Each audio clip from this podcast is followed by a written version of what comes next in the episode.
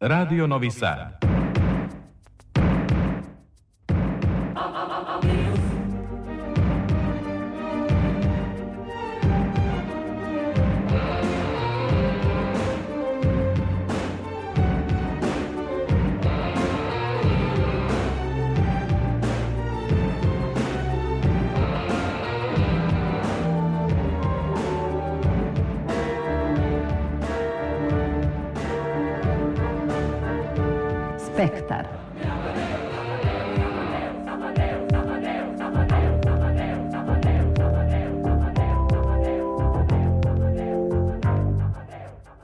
expect that.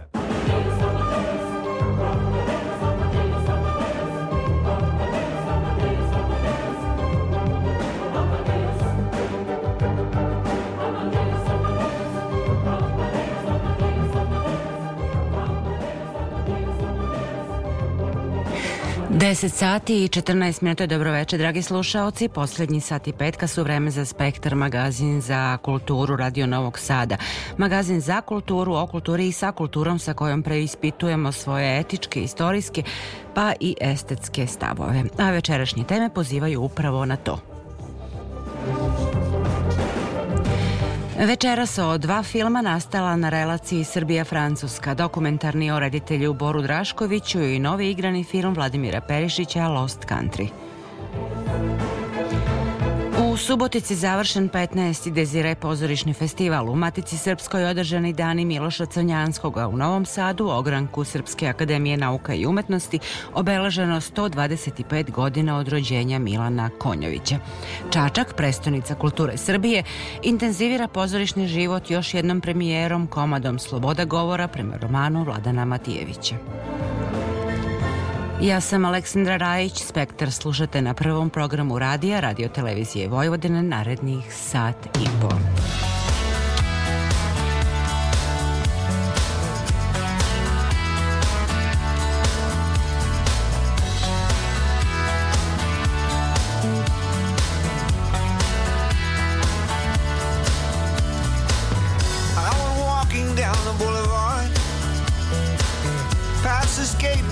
And the beggars. I start looking in the windows. Just got walking, letting my mind roll. If she hung around too much, I might take her for granted. But when I was away, she seemed an angel. The only one who really cared about me. The only one without an angle. For so long I've been lonely.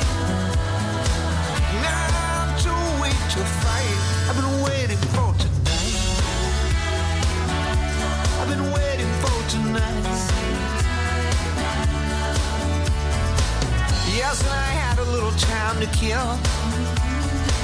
Yes, I crossed the parking lot. And I was feeling lucky just to have a place to go. Yeah, my nerves were feeling shot.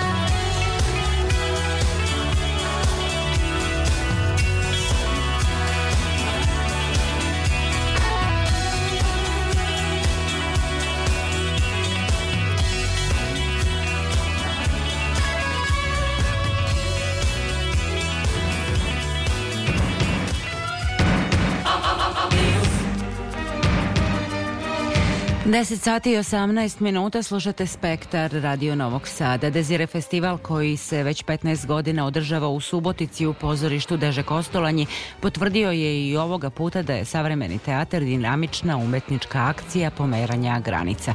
Tako bi u najkraćem zvučao utisak pozorišnog kritičara lista Dnevnik Igora Burića, stalnog gledaoca sa kojim je o netom završenom Dezireu razgovarala Tatjana Novčić-Matijević. Završio se i 15. Dezire. Je li ima išta što bi se moglo izvući kao specifičnost ovog festivala? Apsolutno i baš mi je drago zbog toga jer ja posle 15 godina redovnog odlaženja tamo uvek i očekujem takvo nešto. Ovaj put je to bio uh, Oksigen ili Kiseonik Ivana Vir Viripajeva Palfi, nepoznat mi autor iz Svetog Đorđa u Rumuniji, reditelj E, koji je napravio ono baš eksperimentalnu postavku tog dramskog teksta koji sam po sebi jeste dosta neobičan. Dvoje glumaca u nekom visokotehnološkom okruženju repuju komad i super zvuči kao neka žurka.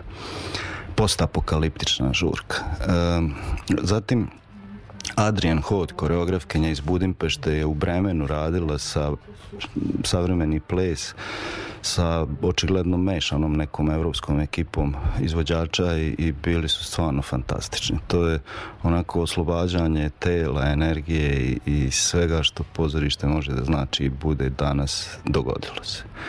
I izdvojio bi još um, predstavu Jernea Lorencija, malo je teško izgovoriti, pogledat ću Škofjeloški pasion, jako neobična stvar. E, to je navodno najstariji dramski komad u Sloveniji. Pisao ga je izvesni otac Romuald, sveštenik. I prikazuje, ja ne bi sad znao to, kako to u apologetici se zove uopšte tu neku procesiju, neku, neku procesiju hrišćansku ali na Lorencijev način. Tako da je bilo zaista fantastično. Dakle, to uh, što je Urban definisao kao festival savremenog pozorišta zaista drži čvrsto tu liniju uh, i koncepciju. Ako uh, dobro razumem i svega ovoga što si do sad govorio. Drži, drži i jako mi je drago zbog toga jer se oni jako puno trude, naravno podrške znamo koliko jedno takvo nastojanje ima u ovoj zemlji izuzetno mi je drago da opstaju, iako su nazvali to Final Time, mm -hmm. to je više marketinški trik. I, i ajde da, da svedemo pod ipak jednu pozorišnu igru. Pa i to, da, oni su zapravo kad bolje razmislim i vratim film često znali tako bombastično da najavljuju festival što je deo, opet kažem, te neke savremene strategije. I samo ću pitati za predstavu o Sonji Savić, uh. -huh. samom činjenicom da je Urban e, ciljano je postavio u Čačku, prestonici kulture, a i uh, vidimo da će imati priliku i novosađeni da je vide. Jeste i da, e, kad je reč o Dezireu, Urban je nezaobilazan. On je čak počeo i sam da se šali na svoj račun kako ga je teško ne pozvati, odnosno oterati ili ne znam već šta je, ali on u svom fazonu se našalio.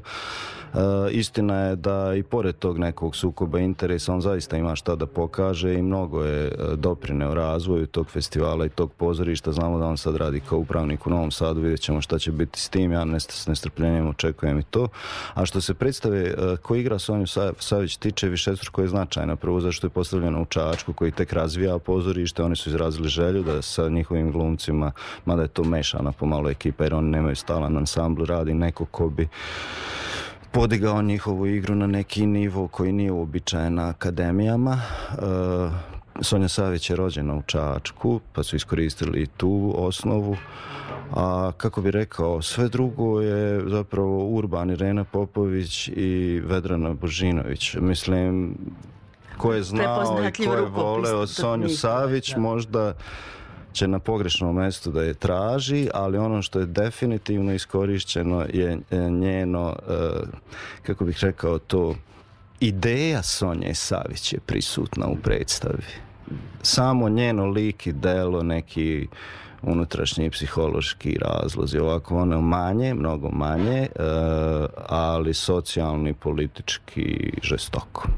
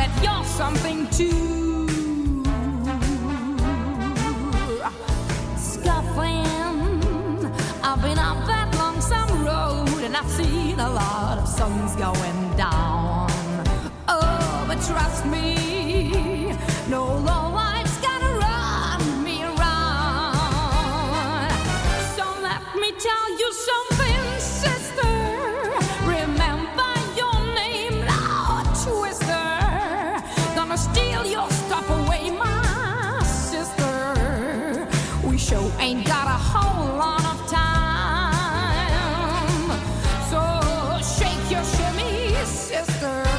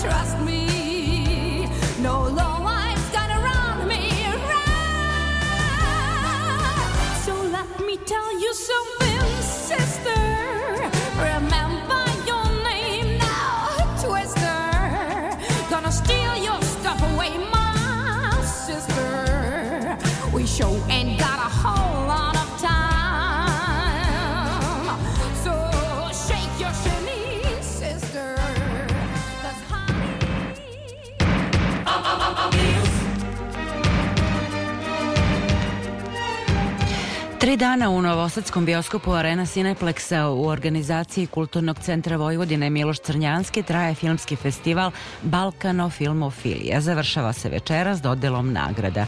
Reč je o reviji nagrađenih filmova sa festivala filmova jugoistočne Evrope priređenih u Parizu, Berlinu i Vašingtonu. Osnivač festivala je Jordan Plevneš, dramski pisac, sterijanac, diplomata u ambasadama Makedonije u Parizu i pri UNESCO, od pre dve godine i Akademije Balkanike Europeane i prema sobstvenim rečima Balkanofil. U Novi Sad je doneo dokumentarni film Boro Drašković od Akademije umetnosti u Novom Sadu do svetske duhovne večnosti, snimljen povodom dodele priznanja Sea Legend našem reditelju. Pa Boro Drašković je bio proglašen e, za legenda jugoistočne Evrope e, sa tom pozicijom estetičkom pre njega su proglašeni Lucijan Pintilije iz Bukurešta naš e, veliki Dušan Makavejev e, je bio proglašen isto Karpo Očimović godina iz e, Slovenije. Veljko Bulajić je bio proglašen isto Sea Legend i Kujtim Čašku, jedan veliki sinast iz Albanije. Uh, Boru Draškovića je čitava ova ekipa uh, i evropskih intelektualaca i balkanskih koji smo pokrenuli. Svake godine smo njega pominjali. To je bilo mm, 2018. godine, tada je bio Bora slobodan i tada smo mu uputili pismo da je proglašen za Sea Legend i on je Uh, on se obratio tada, festival se održava u, u Berlinu i Parizu. I uh, Washington je došao pre tri godine ali kada su u Washingtonu želeli da prikažu portrete uh, svih uh, legendarnih reditelja jugoistočne Evrope tada je ova ekipa došla u Novom Sadu i na akademiji ga je snimala i e, odredili su princip da će Boro samo govoriti u jednom prostoru koji za njega je e, prostor e, duhovne večnosti, pošto tada se proslavilo 50 godišnjica postojanja akademije i promena, ona monografija, je pozorišna promena. I da će u statičkom principu da se sve kreće od onoga što je stvorio i od onoga što ima, pošto e, od predstave, nažalost, e, to je sasvim druga tema, on priča o njoj, ali ako se pravila rekonstrukcija, ona bi oduzela mnogo vremena, znate. I kao što ste videli, Boro je bio uh, inspirisan i sad uh, govorio je o mojom uh, uh, Odisejom u dramskom svetu na dani Zorana Radmilovića pre 20 dana i e, rekao je da su posebno inspirisali svi ovi mladi ljudi koji su došli sa Konstantinom na čelo iz e, Pariza, iz Novog Sada, iz Skoplja i bili su oko njega dok je on pričao. Dok priča u filmu, oni ga slušaju i jako se ne pojavljuju izvaduci iz njegovih filmova su dokaz da se radi o jednoj od najvećih e, figura evropske i svetske umetnosti. A o sebi i svom entuzijazmu ispoljenom u balkanofiliji Jordan Plevneš izjavljuje ovo. Vidite, e, ja sam uh, uh, dramski pisac uh, koji živi od 88. godine u Parizu. Znači, ja sam svoju karijeru pozorišno započeo u Jugoslaviji, živeo sam tada u Skoplju i radio sam na institutu za književnost Filološkog fakulteta. I moje su drame osvojile više sterijnih nagrada na, nagrada na mesu i tako dalje i kada se moja drama R, samo jedno slovo R, e, izvela u Americi zajedno sa iskušenje Vaclava Havela tada je američki teatrolog odabrao moju dramu R i e, pre, to je bilo pre pada Berlinskog zida. Uh, od tada je ona izigrana oko 30 zemalja sveta i ne samo ona i sve druge drame i živeći u Parizu ja sam um, još od rane mladosti balkanofil po, poistovećivao sam moj život i sa srpskom književnošću i sa hrvatskom i slovenečkom i bosanskom i makedonskom i bugarskom i grčkom i tako dalje. Tako da je ono što je Nikola Buvije govorio da je Balkan srce Evrope, ja sam živeo to u svom stvaralaštvu. и после балканске трилогије кој е еден редител француски поставио у Америци, у Француској. То су биле три драме. Гробница за Бориса Давидовича е била прва, Казна за Малвину Мирка Ковача е била друга и Среќа нова идеја во Европи, моја драма трета. Та балканска трилогија играла по 100, у 120 позоришта у Француској da bi razbudili Evropu da se ne može događati taj krvavi rat u Jugoslaviji. I od tada je počela ideja da se u Parizu svake godine prikaže jedan veliki broj e, balkanskih filmova koji ne mogu svi da stignu do Kana i do Venecije, to poneko stiže i tako dalje, to je druga tema, znači mi smo želeli da, pri, da prikažemo čitavu tu galeriju novih cineasta koji, koji se rađaju na ovim prostorima i do sada je prikazano oko 212 filmova da je Paris pa onda Humboldt iz Berlina je e, potražio da se ista selekcija posle tri godine Pariza i pre četiri godine je u Vašingtonu počeo da se ista selekcija prikazuje. I sad možete zamisliti uh, ova ideja kulturnog centra Milo Crnjanski da Balkanov filmofilijom uh, produži i da se nagrađeni filmovi uh, vide i na Balkanu Dobro, ove godine je dominirala srpska kinematografija, dobila najveći broj priznanja. I posle naše, našeg susreta sa predsednikom pokrajinske vlade, velikim pesnikom Igorom Mirovićem i Nenadom Šaponjom, direktor kulturnog centra, isto tako velikog značajnog e, pesnika. Mi smo poveli jednu korespondenciju iz Pariza da pravimo svake godine Balkanofilmofiliju i da Novi Sad bude četvrti grad gde će se prikazivati ti filmovi, ali nagrađeni filmovi, pošto selekcija je široka. Znate.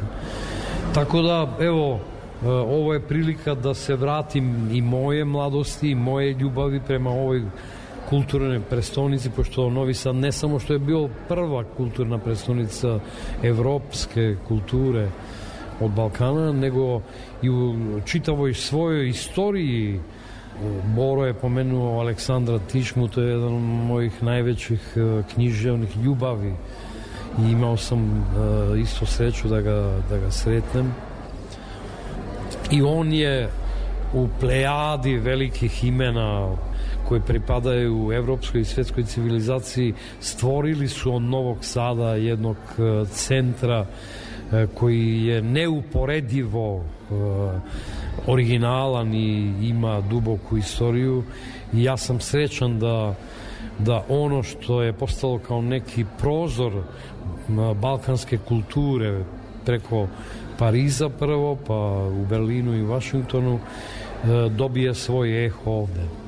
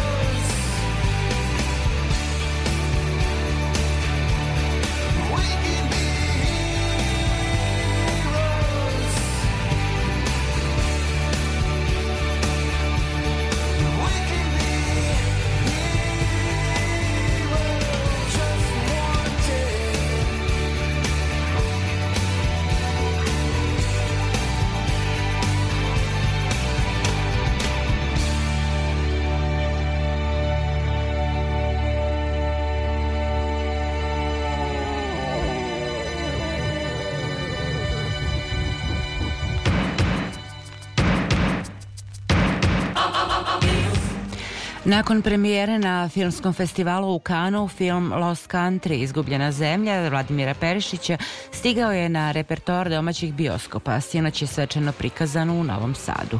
Glavnog protagonistu Stefana tumači Jovan Ginić na Tuščik, koji je sa samo 14 godina očarao kansku publiku, osvojivši nagradu Otkrovenje za najboljeg mladog glumca. Radnja drame, inspirisane ličnim iskustvom autora, smeštena je u 90. u vreme studentskih demonstracija protiv Miloševićevog režima. Osim Jovana, u filmu se pojavljuju još tri debitanta kao i glumački par Jasna Đuričić i Boris Isaković. O procesu rada na filmu sa Vladimirom Perišićem razgovarala je Ivana Maletin-Ćorilić.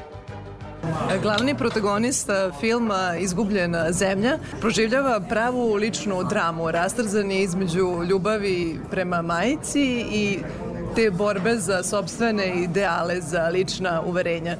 Kako ste prepoznali tu snagu u Jovanu koji nije imao glumačkog iskustva da on može da iznese taj lik?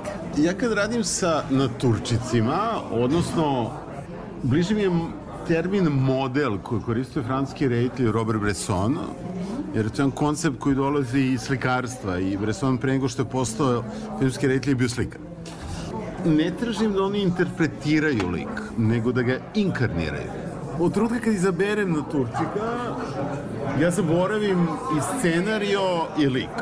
On postaje, Jovan je, je taj koji treba da proživi tu dramu provodim nekih godinu dana sa njima pre snimanja, tokom kojih ih snimam svojom malom kamerom, ali to, to nisu probe, u smislu da, da ja im nikada ne dajem scenariju. Oni znaju okvirno šta je tema filma, da ih bili saglasni ili ne, ali scenariju nikad ne dobijaju i godinu dana pre snimanja ih ja posmatram svojom kamerom kao neki slikar koji radi skice da bih upoznao i na osnovu toga što vidim od njih, menjam scenarij. Tako da, da, da je to kao neka vrsta hoda raka između jednog scenarija koji je napisan naturčika koji treba da inkarniraju tu priču, koje posmatram, na osnovu toga menjam scenariju, tako da, da kad uđem u snimanje, ja zapravo od njih ne tražim ništa što već nisam video da radim. I takođe snimam ih malim diktafonom da, da bi čuo kako se izražavaju, koja je struktura njihove rečenice. I na osnovu toga menjam dijaloge. I često im, znacima navoda, kradem neke rečenice, izraze i stavljam u scenariju. Zatim kad krene snimanje, snimamo scene redom hronološki, od prve do poslednje. I oni otkrivaju koji film pravimo i o čemu se tu radi. Da li vam je taj način rada pomogao da i vi napravite otklon od e, svog doživljaja 90-ih i svog ličnog iskustva, možda proživljenog i kroz tu porodičnu e, priču i da pružite i sebi, a i gledalcima neku drugačiju vizuru na tu već ustaljenu sliku tog perioda? Ja se uvek koristim u svim svojim filmovima nekim ličnim iskustvom. Iz prostog razloga što lično iskustvo mi garantuje da ću da budem tačan u onome što pričam, zatim da sam legitiman da pričam jednu priču i potrebno mi je da znam da, da mogu na određenu temu da donesem jedan ugao gledanja koji neko drugi ne može da donese. Dakle, imam nešto da ponudim gledalcu. Na neku drugu temu nemam ništa posebno da kažem, ali na ovu mislim da imam jedan ugao gledanja koji je drugačiji. Međutim, naravno, e, fikcija nije istorijska istina, ali nije ni laž. Fikcija je jedan način da se jedna tema promisli. I kada tematizujete nešto, vi zapravo iz ličnog iskustva ili stvarnosti izbacujete sve ono što, što ne ulazi u, u prizvu te teme. Ja bi možda iz istih događaja, iz istog ličnog iskustva mogu izaberem pet tema koji bi dali pet različitih priča. A? Ali to je taj proces snimanja filma. Jednom kad proces pisanja scenarija. Jednom kad napišem scenariju, iza mene kreće ta druga faza gde, gde biram naturčike i glumce, ali volim da kombinujem naturčike i glumce. I onda to postaje dokumentarac o njima. Više nije o meni, nego gledam kako taj sukob se odvije između Jovana Ginića i Jase Đuričića. Odjednom taj lik je zapravo za mene jasna. Negde uh, lik majke, lik političarke, port parole, ja sam krenuo te ideje u stvari da, da između glumaca i političara ima nešto slično, su jedni i drugi medijske ličnosti, da su jednom medijskom nastupu i da port parol jedne partije, u stvari neko kroz koju osoba kroz koju govori partija, kao što i glumac ili glumica neko ko govori tuđi tekst.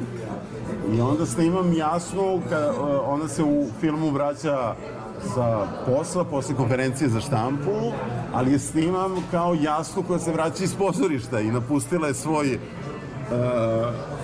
lik i ulogu koju igra u pozorištu i sada postaje majka uh, dečaka. Film imao tu privilegiju da bude premjerno prikazan na filmskom festivalu u Kanu. E, kakvi su vaši utisci? Je li publika na pravi način percipirala taj dvostruki konflikt, kako ste ga nazvali, između lojalnosti prema porodici, odanosti toj politici krvi i plemena ili kao sukob opozicije i vlasti? Sam jako zadovoljan primom filmova u Kanu. Jovan je dobio nagradu za najbolje glumca. To je posle dugo, dugo godina Prva nagrada zvanična nagrada za srpski film od Undergrounda. Film je u, u oktobru izašao u francuske bioskope na više od 50 ekrana sa odličnim kritikama. E sad, ono što meni interesovalo ovde je taj konflikt dvostruke lojalnosti, odnosno konflikt između lojalnosti prema roditelju, u ovom slučaju majci, i prema jednom unutrašnjem moralnom imperativu ili osjećanju pravde. Odnosno, htio sam postavim pitanje da li je ljubav prema majci razlog da se odustane od pravde. Mislim da franska publika vrlo dobro percipira tu temu ili problematiku filma. 90. E, krađa izbora Milošević, protesti su samo jedna arena u kojoj se odigrava jedna intimna politička drama. Ona je mogla se odvija i u nekoj drugoj areni ili u nekom drugom kontekstu. kontekstu, da. Mi ovde ponekad, kao da nam nedostaje smisla za abstraktno mišljenje. Se vidimo jako konkretno. Da, naravno da je to film o 90-ima, protestima, Miloševiću, ali to je pre svega film o, o jednom odnosu majke i sina, jedna intimna drama i koja postavlja to pitanje, da li je ljubav prema roditelju razlog da se odustane od pravde. Da li u tom filmu majka i sin igraju uloge koje su im dodeljene i nose to breme koje im je pripalo ili imaju zapravo slobodu izbora? Pa ja mislim da, da uvek imamo pravo slobode izbora i, i kada pišem scenariju, tako kad i snimam, bitno mi je da, da ostavim tim fiktivnim likovima jedan prostor slobode izbora, odnosno stvari nisu suviše manihističke. I da nema nekog determinizma koji uzročno posledičnim odnosom i na to počiva dramaturgija vodi do nekih krava koji su neizbežni. Stefan ima nekoliko mogućih izbora i devojka u koju se zaljubljuje Hana, mi smo je uveli dramaturški upravo da, da bi on imao tu mogućnost izbora koju ne izabere.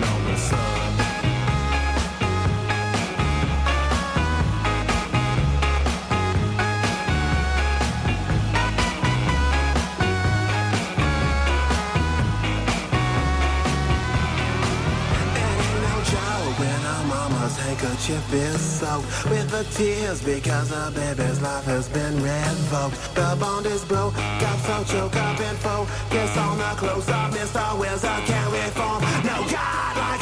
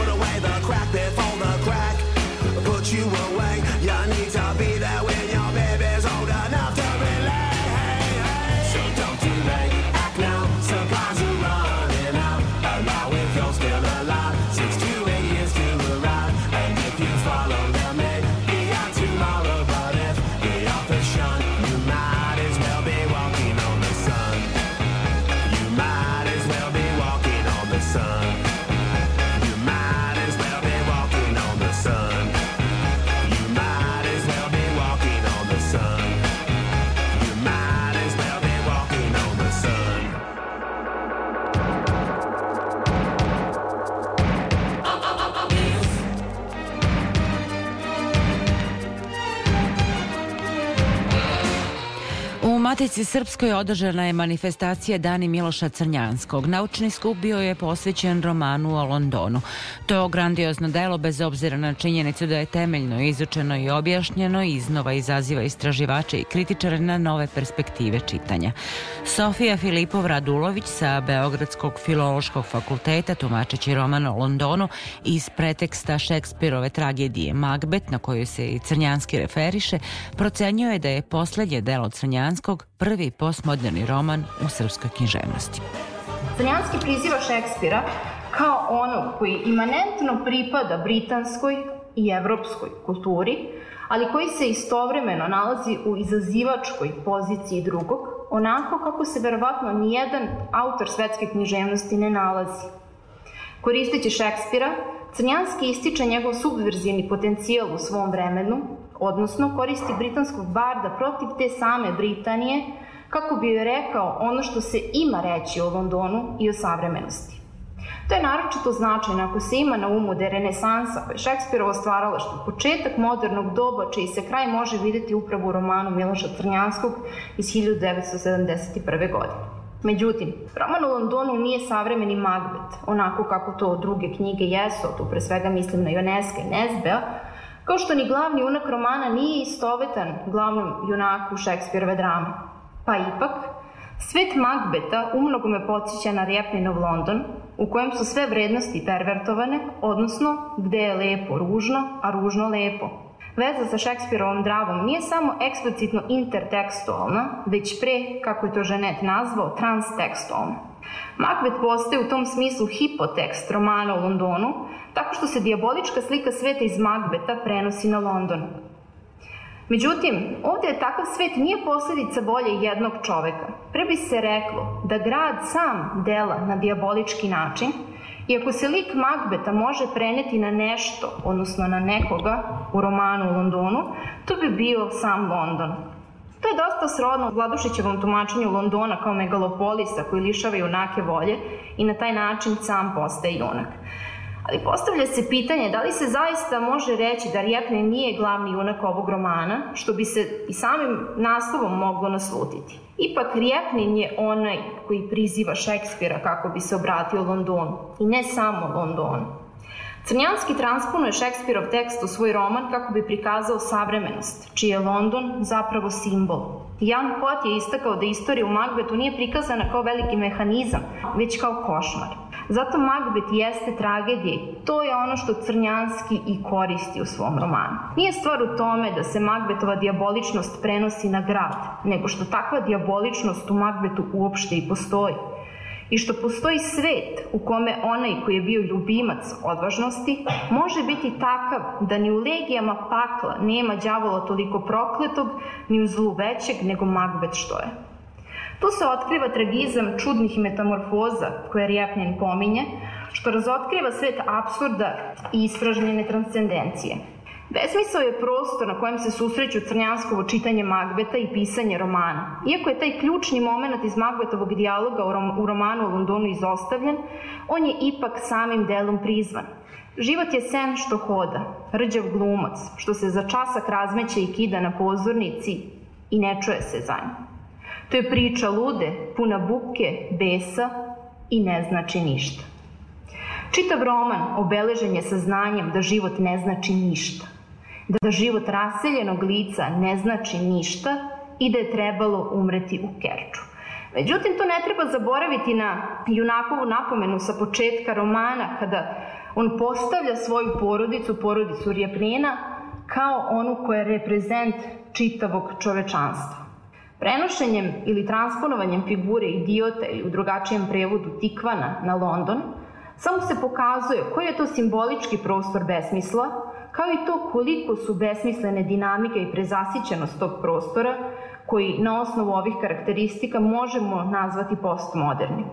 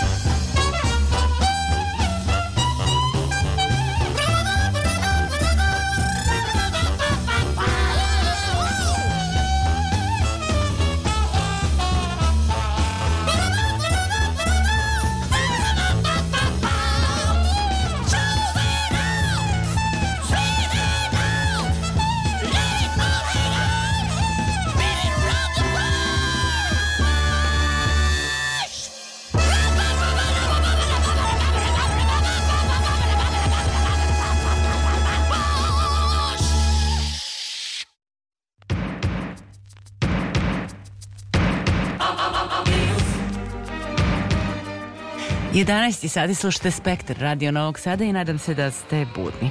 U Novosadskom ogranku Srpske akademije nauka i umetnosti održana je svečana akademija Dan Milana Konjovića povodom 125. godišnjice slikarevog rođenja. Pojedinosti beleži Isidora Bobić.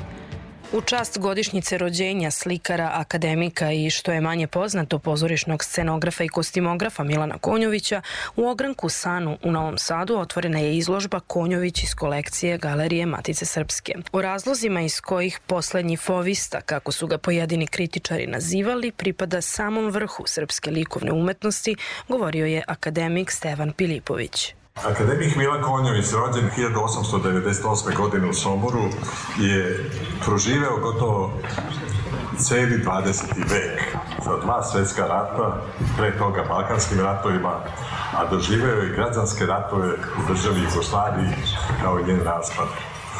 U veku kojem je došlo do tehnološkog i naučnog napretka višeg nego u svim prethodnim vekovima, od nastanka civilizacije zajedno, umetnost, slikarstvo takođe imaju najplodniji period. Srbija je u 20. veku iznedrila veliki broj vrhunskih slikara, među kojima Milan Konjović predstavlja jedno od vodećih autentičnih stvaravačkih ličnosti. Milan Konjović sa opusom od oko 6000 radova, od ulja, pastela, tempera, do vitraža, mozaika, grafika, prošao je od plave faze, crvenu, sivu, nazovimo je ratnom i posleratnom fazom, zatim kol kolorističku pa asocijativnu sa završnom vizantijskom fazom, ostvarujući opus vrednog i nada se talentovanog umetnika. Govorio je, citiram, mislim da spadam u red dramatičara, ekspresionista i kolorista. Slika soborskih pejzaža i ljudi sa abstrakcijama u kolorističkoj i asocijativnoj fazi. Milan Konović nam je darivao vrhunska dela i njegova skulptura delo naših vajera Jovana Soldatović ispred galerije Matice Srpske iz 2017. kada je postavljena na svakodnevno podsjećanja ovog sjajnog umetnika. A o životu i sudbini Milana Konjovića kao njegov suvremenik, kolega i prijatelj govorio je akademik Miro Vuksanović. Milan Konjović nema baš mnogo sreće sa akademijom, nije imao ni kada je bio mlad. I bio je predložen za člana Srpske akademije nauka i umetnosti svoje vremeno, ali nije izabran. I pouzdano se znalo da o tome nisu presudili umetnički razlozi. On to primio je teško, ali nije nikada priznavao da će da je poražen i nalazio snage da se tome smije i da to komentariše na svoj način. Koristio je onu anegdotu da je u tom odeljenju bilo desetak članova, a da je on dobio jedan glas, a da su mu posle svakih od tih deset ljudi rekli nasamo, ja sam onaj koji te glasao, tako da on nikad nije doznao ko je taj jedan bio. I on je član Srpske akademije postao kada mu je bilo 94 godine i on je potome rekorder. A to je bilo kada je akademija proširena, odnosno kada je vanu pripojena Srpskoj akademiji nauka i umetnosti. Milan Konjović je slikarsko umeće sticao u Pragu, Beču, Minhenu, Berlinu, Drezdenu i Parizu, ali je bio najviše vezan za rodni Sombor, u kom je i preminuo pre 30 godina. U centru tog grada, galerija koja nosi njegovo ime, čuva 1084 eksponata, pružajući uvid u sve faze njegovog stvaralaštva.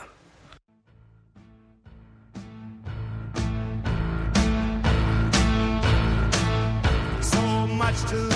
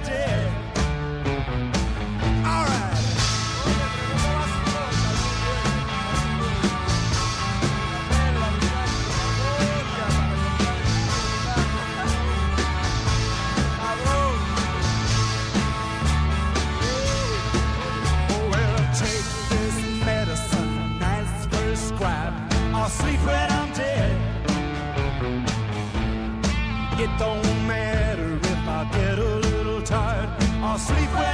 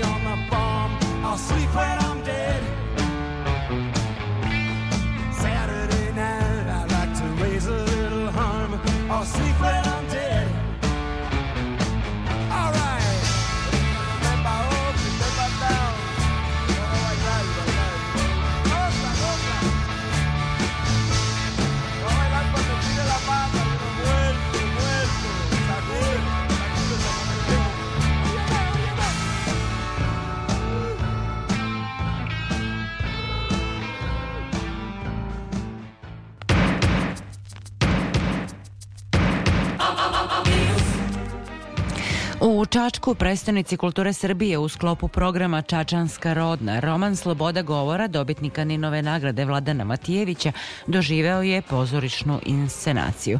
Na poziv gradskog pozorišta u Čačku predstavu je režirao mladi reditelj Nikola Bundao, Bundalo, a dramaturg je Sofija Dimitrijević. Premijeri je prisustvovao i autor romana. Razgovor sa Vladanom Matijevićem o nastanku knjige o Matijevićevom novom romanu i naravno o titularnoj godini u Čačku koja je u potpunosti transformisala grad zabeležila Ivana Maletin-Ćorilić. Sinoć je na sceni Kulturnog centra u Čačku premijerno izvedena predstava rađena po motivima vašeg romana Sloboda govora. Kakve su vaše impresije? Moje impresije su izuzetno pozitivne. Ja sam očekivao, pošto sam, kada su došli ti ljudi, mladi glumci, reditelji, video mlade ljude, željne rada, odjednom su počeli da rade, želeli su da stvaraju i ja sam očekivao da će to biti dobro, ali stvarno nisam očekivao da će toliko biti dobro i ja sam baš onako prijatno iznenađen i prosto nisam ni mislio da može tako iz romana tako da se, da se prenese ta atmosfera i da se tako dobro predstava napravi. Da li ste bili uključeni u sam proces rada na predstavi?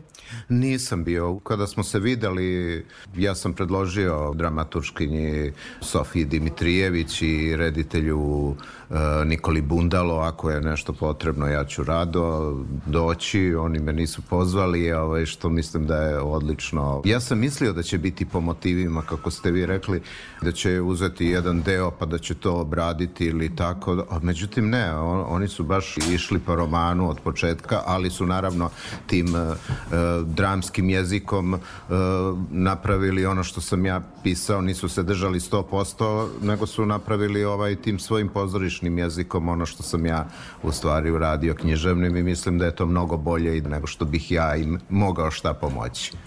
Da, pozorišna adaptacija vašeg romana ukazuje na ponovnu aktuelnost teme slobode govora. Kako ocenjujete sadašnje stanje u medijima?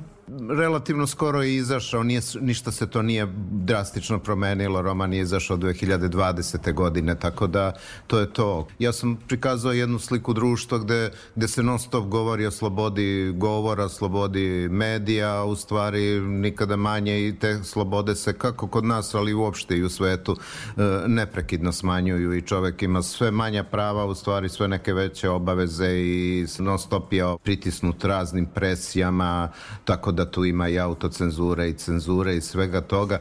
Tako da mislim da je ova predstava to sve ovaj ponovo aktualizovala i ta iskrenula je ponovo pažnju na taj roman koji je 2020. o njemu se dosta i pričalo, tako da je sve to dobro.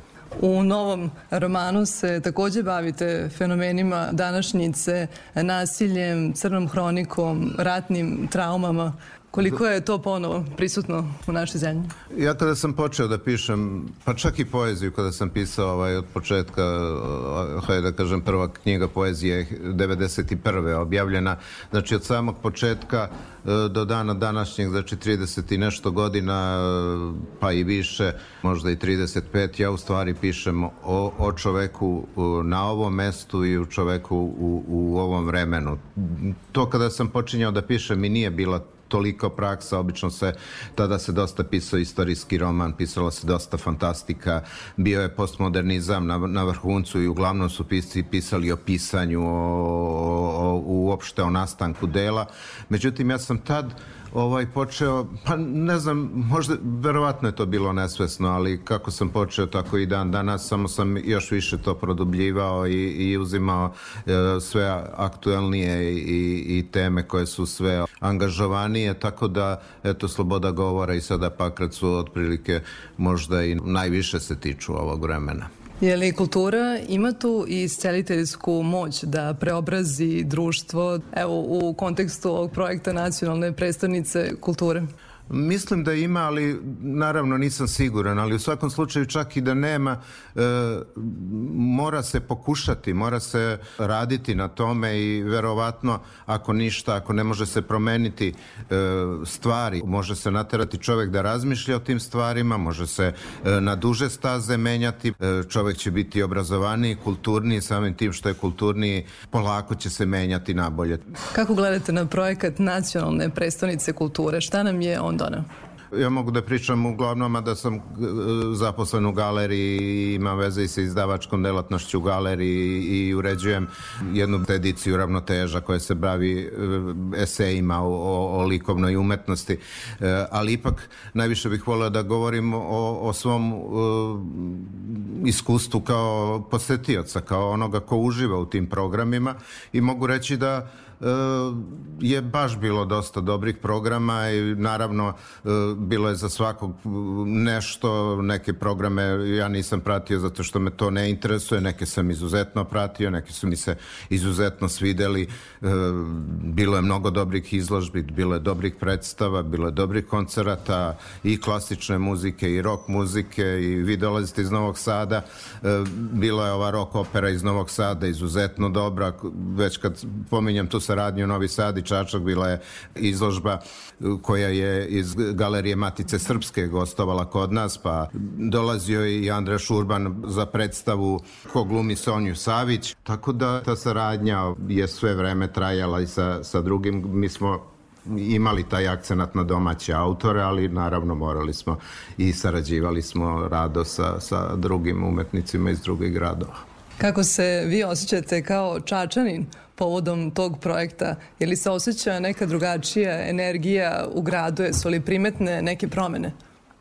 Jesu, svi su zadovoljni, kažem, i, i oni koji su, uvek išli po kulturnim manifestacijama, ali mislim da sada je ono što je pozitivno, mislim da je e, ova manifestacija bila okrenuta e, najširem sloju ljudi. Dosta je dolazilo je na koncerte i koncerte ozbiljne muzike i rock muzike i ove koje se tiče narodne muzike koja ima veze sa etno muzikom, tako da svi su zadovoljni zbog toga što je bilo dosta programa i najrazličitijih.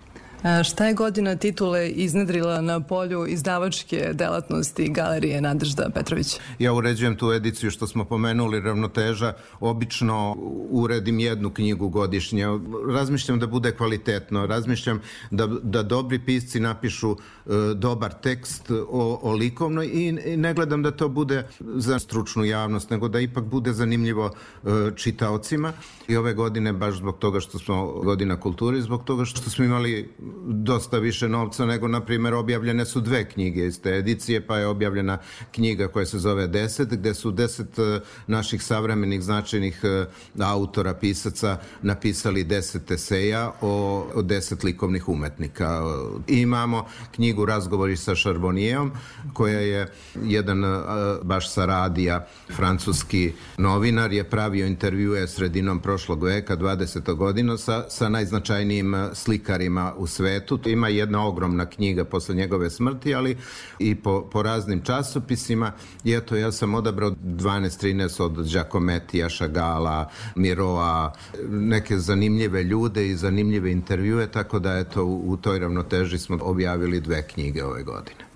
E, Šta za vas kao pisca znači otvaranje muzeja poezije u Čačku jeste li bili uključeni u realizaciju tog projekta? Nisam bio, mada e, to je majestralno uradilo, odlično je uradila Olivera Nedeljković, to je baš e, dobro urađeno i to je zapaženo i ne samo u Čačku, zapaženo je književnici iz drugih gradova. Ja sam imao od Olivere poziv da donesem svoje knjige poezije, pošto sam ja početkom 90-ih u stvari započeo svoju književnu karijeru sa, sa poezijom, sa dve knjige pesama pre nego što sam ovaj prešao na prozu. Nisam učestvovao, međutim, e, Olivera je to meni rekla, zamislila e, da, da to bude promenljivo, da ona svakih šest meseci, godinu dana stavlja novu postavku, nove knjige, nove predmete i tako, tako da ću sigurno biti, ovaj, sigurno ću uzeti učešće u tome. U godini titula je organizovan i prvi poetski maraton u Čačku. Kako je izgledala ta manifestacija? Jeste li učestvovali, prisustvovali? Prisustvovao sam, pa odlično je. To je posebno zanimljivo što tu ima mladih ljudi, što se mladi ljudi vraćaju kulturi i to je možda i najveći, najveći i te manifestacije tog poetskog teatra i uopšte to prisustvo mladih. Kako ocenjujete književnu scenu Čačka? Se pojavljuju neki novi originalni glasovi?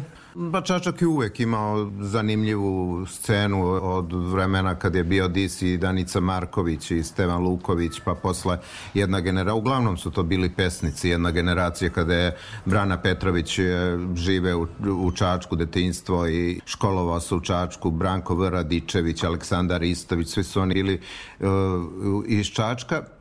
Posle da kažem, sam ja prozni pisac, onda sada ima ovaj, dosta i proznih pisaca, je, pojavljuje se i mladi ljudi, tako ima i nas srednje generacije, šta znam, Savo Stijepović, Aleksandar Jugović, Milkica Miletić i tako. I za kraj, koji su po vašem mišljenju najznačajniji legati projekta Nacionalne predstavnice kulture u Čačku? Meni što je naj, najznačajnije, to nije pomenuto, na primjer, trebalo bi e, uskoro da, da Galerija Nadežda Petrović dobije prostor gde će biti stalna postavka Galerije Nadežda Petrović i mislim da je to ono što je, e, bar s moje strane, e, čini mi se da je to izuzetno potrebno. Ovako, mi imamo u Galeriji Nadežda Petrović stalno izložbe i vrlo redko, nekad jednom godišnje na kratko vreme, obično leti, a nekad i, i prođu i po dve godine zbog e, o- obirnog prostora. Mi ne stavljamo ono što imamo u depoima i e,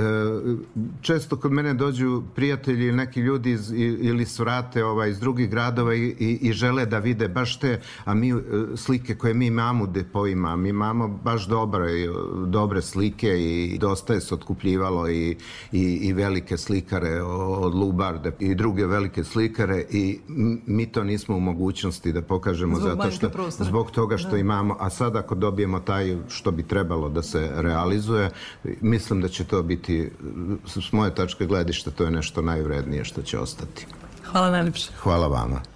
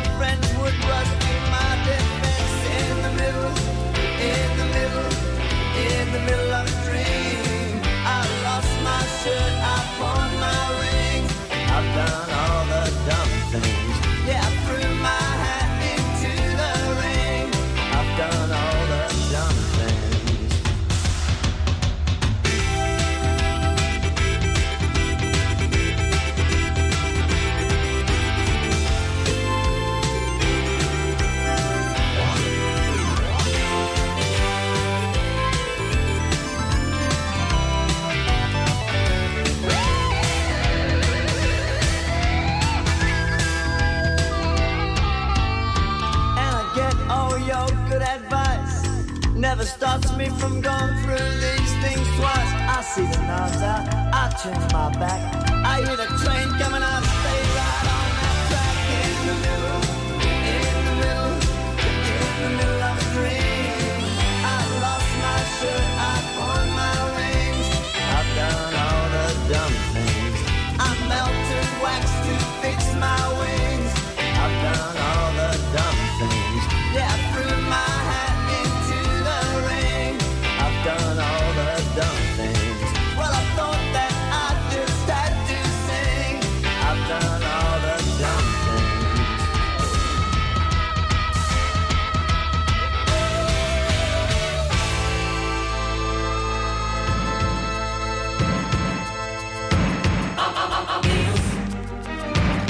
još jednom knjigom Galerija Matice Srpske obeležava 175. godišnjicu. Reč je o publikaciji koja govori o konzervaciji kao svakodnevici te ustanove, u pričama o razlozima, odlukama, tehnikama, nedoumicama i iskoracima u konzervaciji u novom milenijumu. Namera autorke Danijele Korolija Crkvenjakov bilo je da u te naučne i stručne teme uvuče širu publiku najzanimljivijim epizodama iz konzervatorske laboratorije galerije. Naslov knjige Rekonzervacije upućuje na novomilenijumski odnos prema, toj, prema tom materijalnom nasleđu kome je kroz vekove i godine posvećivana pažnja generacija koje su umetnička dela i verske premete smatrale vrednim čuvanja.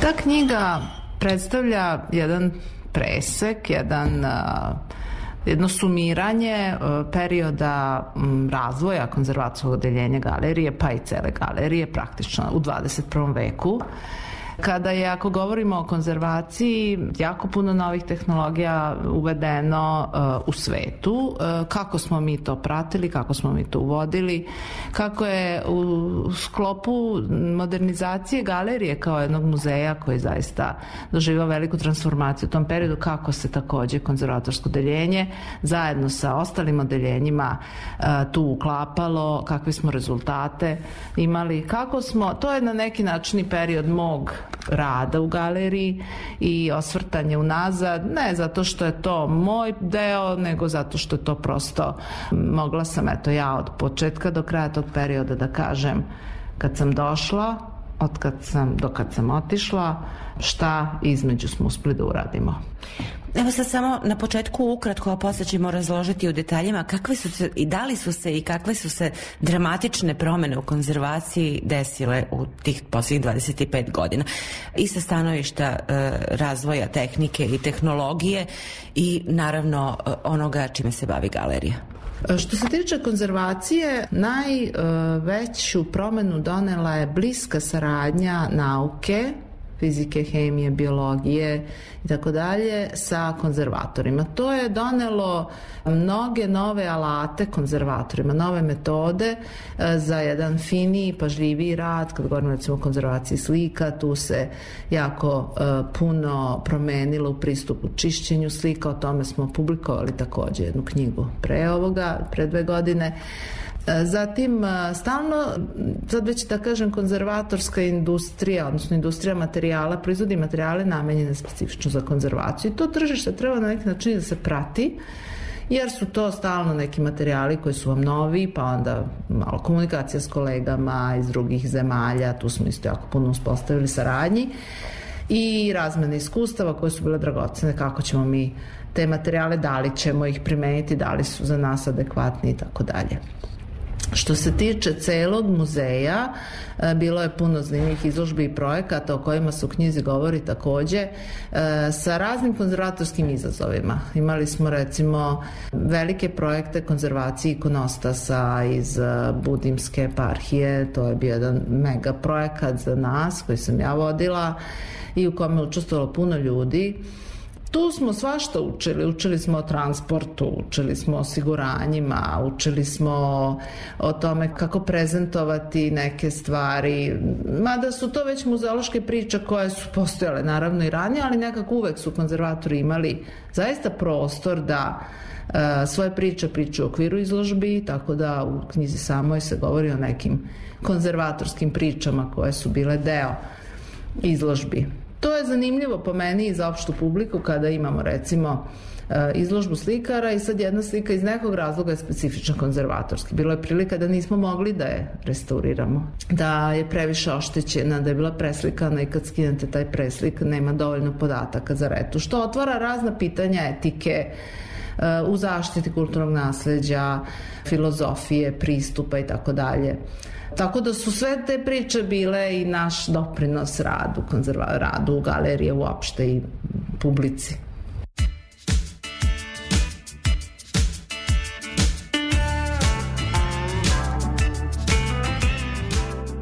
Bio je to, dragi slušalci, Spektar, pregled dešavanja u kulturi u protekloj sedmici. Realizovali su ga Zoran Gajinov, Boris Đuranin, ja sam Aleksandra Rajić. Novi Spektar sledećeg petka, pratite nas i na odloženom slušanju na sajtu rtv.rs, a do tada želimo vam prijatnu i dobru sedmicu.